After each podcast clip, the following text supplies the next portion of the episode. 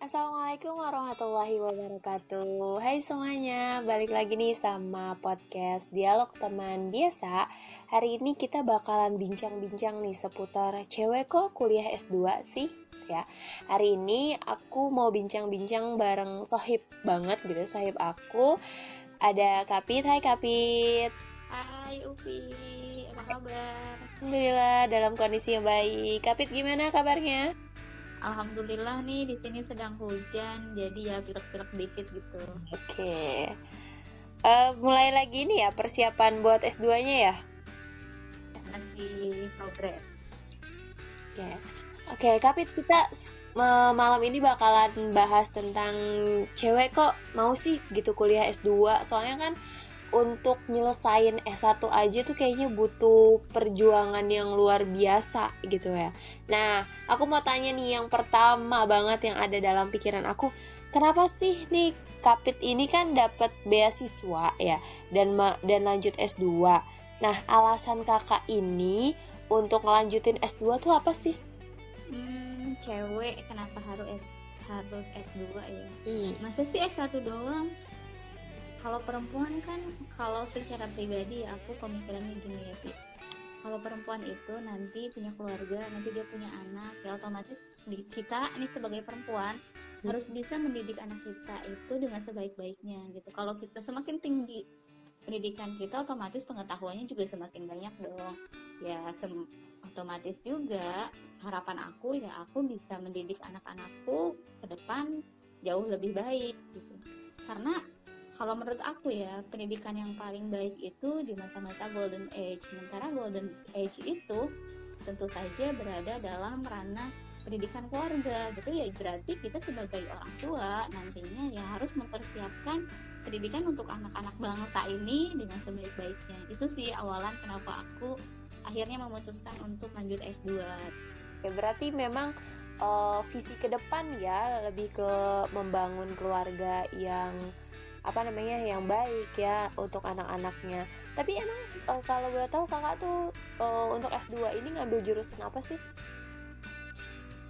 Uh, aku cerita sedikit tentang background sebelumnya ya. Jadi dulu aku kuliah S1 nya kan ilmu keluarga. Jadi kalau misalnya teman-teman bilang kok concernnya keluarga banget? Ya memang aku orang keluarga gitu. Aku termasuk yang concern untuk uh, progres atau perbaikan keluarga-keluarga di Indonesia Wow. Di pekerjaan sebelumnya, aku kerja sebagai konselor remaja. Di sana aku menemukan banyak fakta di lapangan bahwa banyak sekali permasalahan remaja kita saat ini berawal dari masalah keluarga gitu. Nah, oleh karena itu aku menjadi tertantang dan aku serasa kayak punya tanggung jawab lebih gitu untuk gimana caranya supaya keluarga ini pendidikan keluarga ini meningkat gitu akhirnya aku memutuskan untuk ambil psikologi pendidikan anak usia dini. Agak melincing sebetulnya. Iya oke oke oke. Jadi sekarang ngambil apa kak untuk uh, magisternya ini?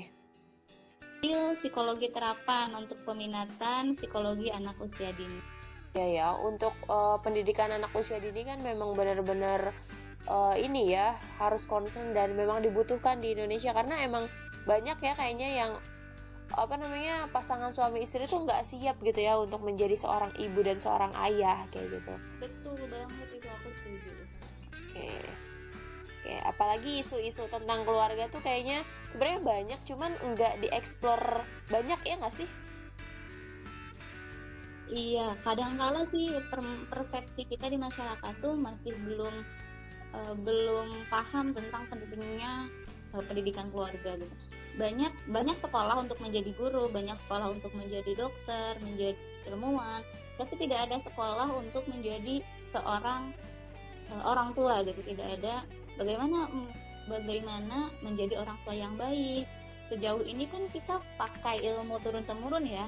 Oh kalau orang tua dulu saya dulu kayak gini. Sementara generasi generasi kita itu kan berbeda ya dari zaman 60-an 70 sekarang anak milenial ada juga anak postmodern itu kan eh, penanganannya juga berbeda-beda. Uh, sebenarnya motivasi terbesarnya itu apa sih? Kan katanya kalau orang mau ngelakuin sesuatu itu harus ada motivasi dasarnya gitu loh biar di tengah-tengah tuh dia nggak gampang putus asa gitu. Kalau bicara tentang motivasi terbesar aku aku berasal dari daerah gitu ya. Terus di daerah aku tergolong masih daerah yang secara pembangunan baik itu ekonomi maupun sumber daya manusianya juga terbilang kurang gitu. aku kalau kita melihat cakupan lebih luas misalnya Indonesia SDM Indonesia juga banyak yang bagus. Maksudnya yang yang potensial gitu tapi tidak tercover dengan baik. Kenapa? Karena salah satunya yaitu tadi pemahaman keluarganya entah itu memaksakan kehendak orang tua ataupun memang kalau menurut pendapat aku ya kita masih perlu gitu untuk e, mengoptimalkan sumber daya manusia jadi motivasi aku awalnya gimana nih caranya aku pengen ngebangun SDM unggul Indonesia apalagi nanti di masa 2000 e, 2040-an ya di bonus demografi itu untuk SDM unggul itu. Nah, dipersiapkan dari sekarang gitu. Jadi goals aku ke depan aku pengen kalau misalnya kamu uh, di bidang pendidikan di sekolah gitu. Nah, aku upayanya pengen ngebangun pendidikan itu dari rumah gitu, Pi. Jadi kita sama-sama pendidikan tapi kita beda beda tempat gitu. Oke deh, aku udah tahu nih sekarang motivasi terbesar uh, dari Kapit. Cuman tuh aku juga pengen nih uh, buat lanjut kuliah. Cuman kan kayaknya uh, S2 tuh mahal banget, berjiti-jiti gitu ya. Nah, hmm, iya maksudnya bukan bukan sekedar bayaran per semesternya ya tapi kan kita juga butuh buat sehari-hari bahkan tugas-tugas mahasiswa S2 tuh pasti lebih ngejelimet gitu dan lebih banyak ngeluarin duit. Nah dari kapit ini caranya saat ini gimana nih? Uh, gini ya kalau untuk S2 ya secara pribadi aku juga kan sempet searching juga kan browsing browsing untuk biaya S2 rata-rata ya di atas 10 juta gitu ya untuk yang negeri Nah kalau untuk biaya sendiri ya aku rasa tabungan aku nggak cukup sampai segitu, apalagi nanti tesis, uh, publikasi dan lain-lain. Akhirnya aku memutuskan untuk ikut seleksi beasiswa karena selain ngebantu buat kita biaya hidupnya, biaya semesterannya, beasiswa juga kan uh, kita bisa lebih fokus kan kalau secara ekonomi kita sudah ada yang nge-cover gitu. Kalau aku sih gitu. Oke, berarti mendingan nyari beasiswa ya. Jadi kita uh, ya mikirinnya tuh nggak terlalu terbebani sama biaya. Mm-hmm, jadi fokus gitu buat belajar. Okay. Kalau Kapit pernah ikut apply beasiswa apa aja sih kalau boleh tahu? Uh, aku uh, aku kan lulus tahun 2018 kan kita barengan tuh September wisuda. Nah aku satu tahun aku kerja dulu. Nah pas di 2019 itu pertengahan tahun aku untuk pertama kalinya aku apply beasiswa LPDP dan Kodarullah setelah ikut uh, seleksi-seleksi yang banyak dramanya itu um, di akhir di, di akhir tahun kemarin 2019 Desember alhamdulillah dinyatakan lolos untuk beasiswa afirmasi dalam negeri. Oke, berarti ngambilnya apa LPDP ya? Kalau boleh tahu, mm-hmm. nggak sih? Tapi diceritain sedikit LPDP buat ya mungkin referensi lah buat kita dibanding beasiswa-beasiswa lain juga kan banyak ya. Kalau dibanding sama beasiswa lain, sebenarnya aku kurang paham ya karena aku juga uh, belum pernah, maksudnya secara pengalaman aku juga belum pernah apply beasiswa lain.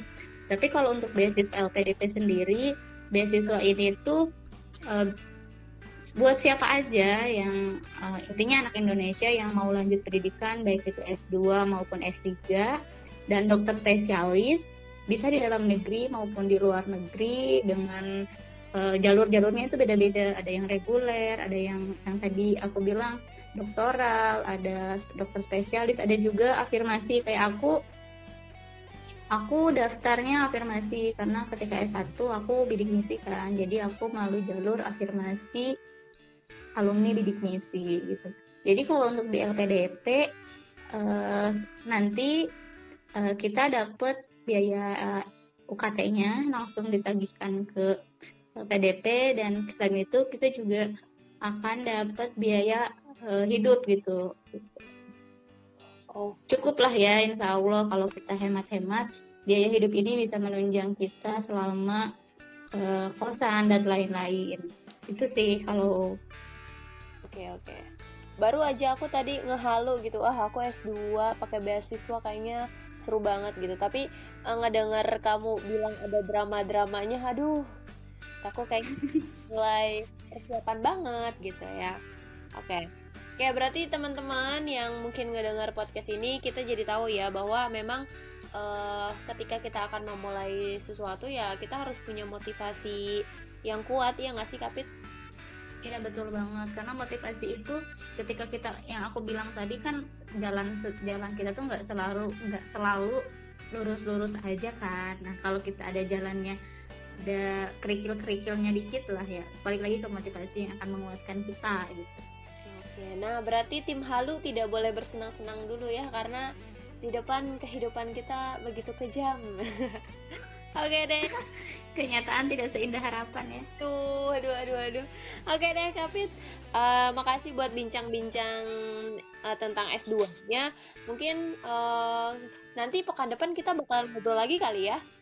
Aku pengen masih pengen nanya nih uh, gimana sih uh, kakak itu memulai persiapan dan pendaftaran buat S2 gitu ya?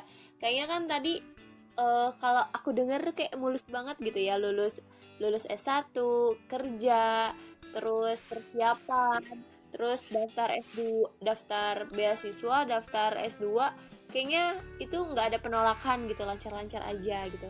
Padahal kan dibaliknya pasti ada drama-drama yang tadi kakak bilang. Iya oke deh ada yang mau disampaikan gak nih untuk yang terakhir dan mungkin buat mereka yang mau dengerin buat minggu depan? Uh, kalau untuk UPI dan tim halu teman-teman dari di belakangnya, kalau saran aku ya kita ngehalu boleh, tapi siapkan uh, rencana-rencananya gitu. Jadi jangan cuma harapannya, berarti oh mau S2 nih, berarti plannya apa yang sudah kita persiapkan. Karena persiapan itu uh, jauh, maksudnya itu kalau persiapan kita baik, insya Allah ke depannya akan baik gitu. Jadi kalau misalnya tiba-tiba nggak punya persiapan terus tiba-tiba daftar ya kita harus bersiap dengan semua kemungkinan yang ada ya. Gitu. Jadi uh, maksimalkan di persiapannya gitu kalau apa-apa Oke, maksimalkan di persiapan ya. Berarti minggu depan kita bakalan bahas nih tentang persiapan dan gimana sih cara mendaftar S2 serta beasiswa, khususnya beasiswa yang diikutin sama Kapit. Oke, Kapit? Oke. Okay. Deh, sampai jumpa minggu depan ya Kapi. Terima kasih banyak sudah mau melipir. See you. Sehat-sehat, Pi. Ya, kamu juga ya. Terima kasih. Assalamualaikum. Waalaikumsalam.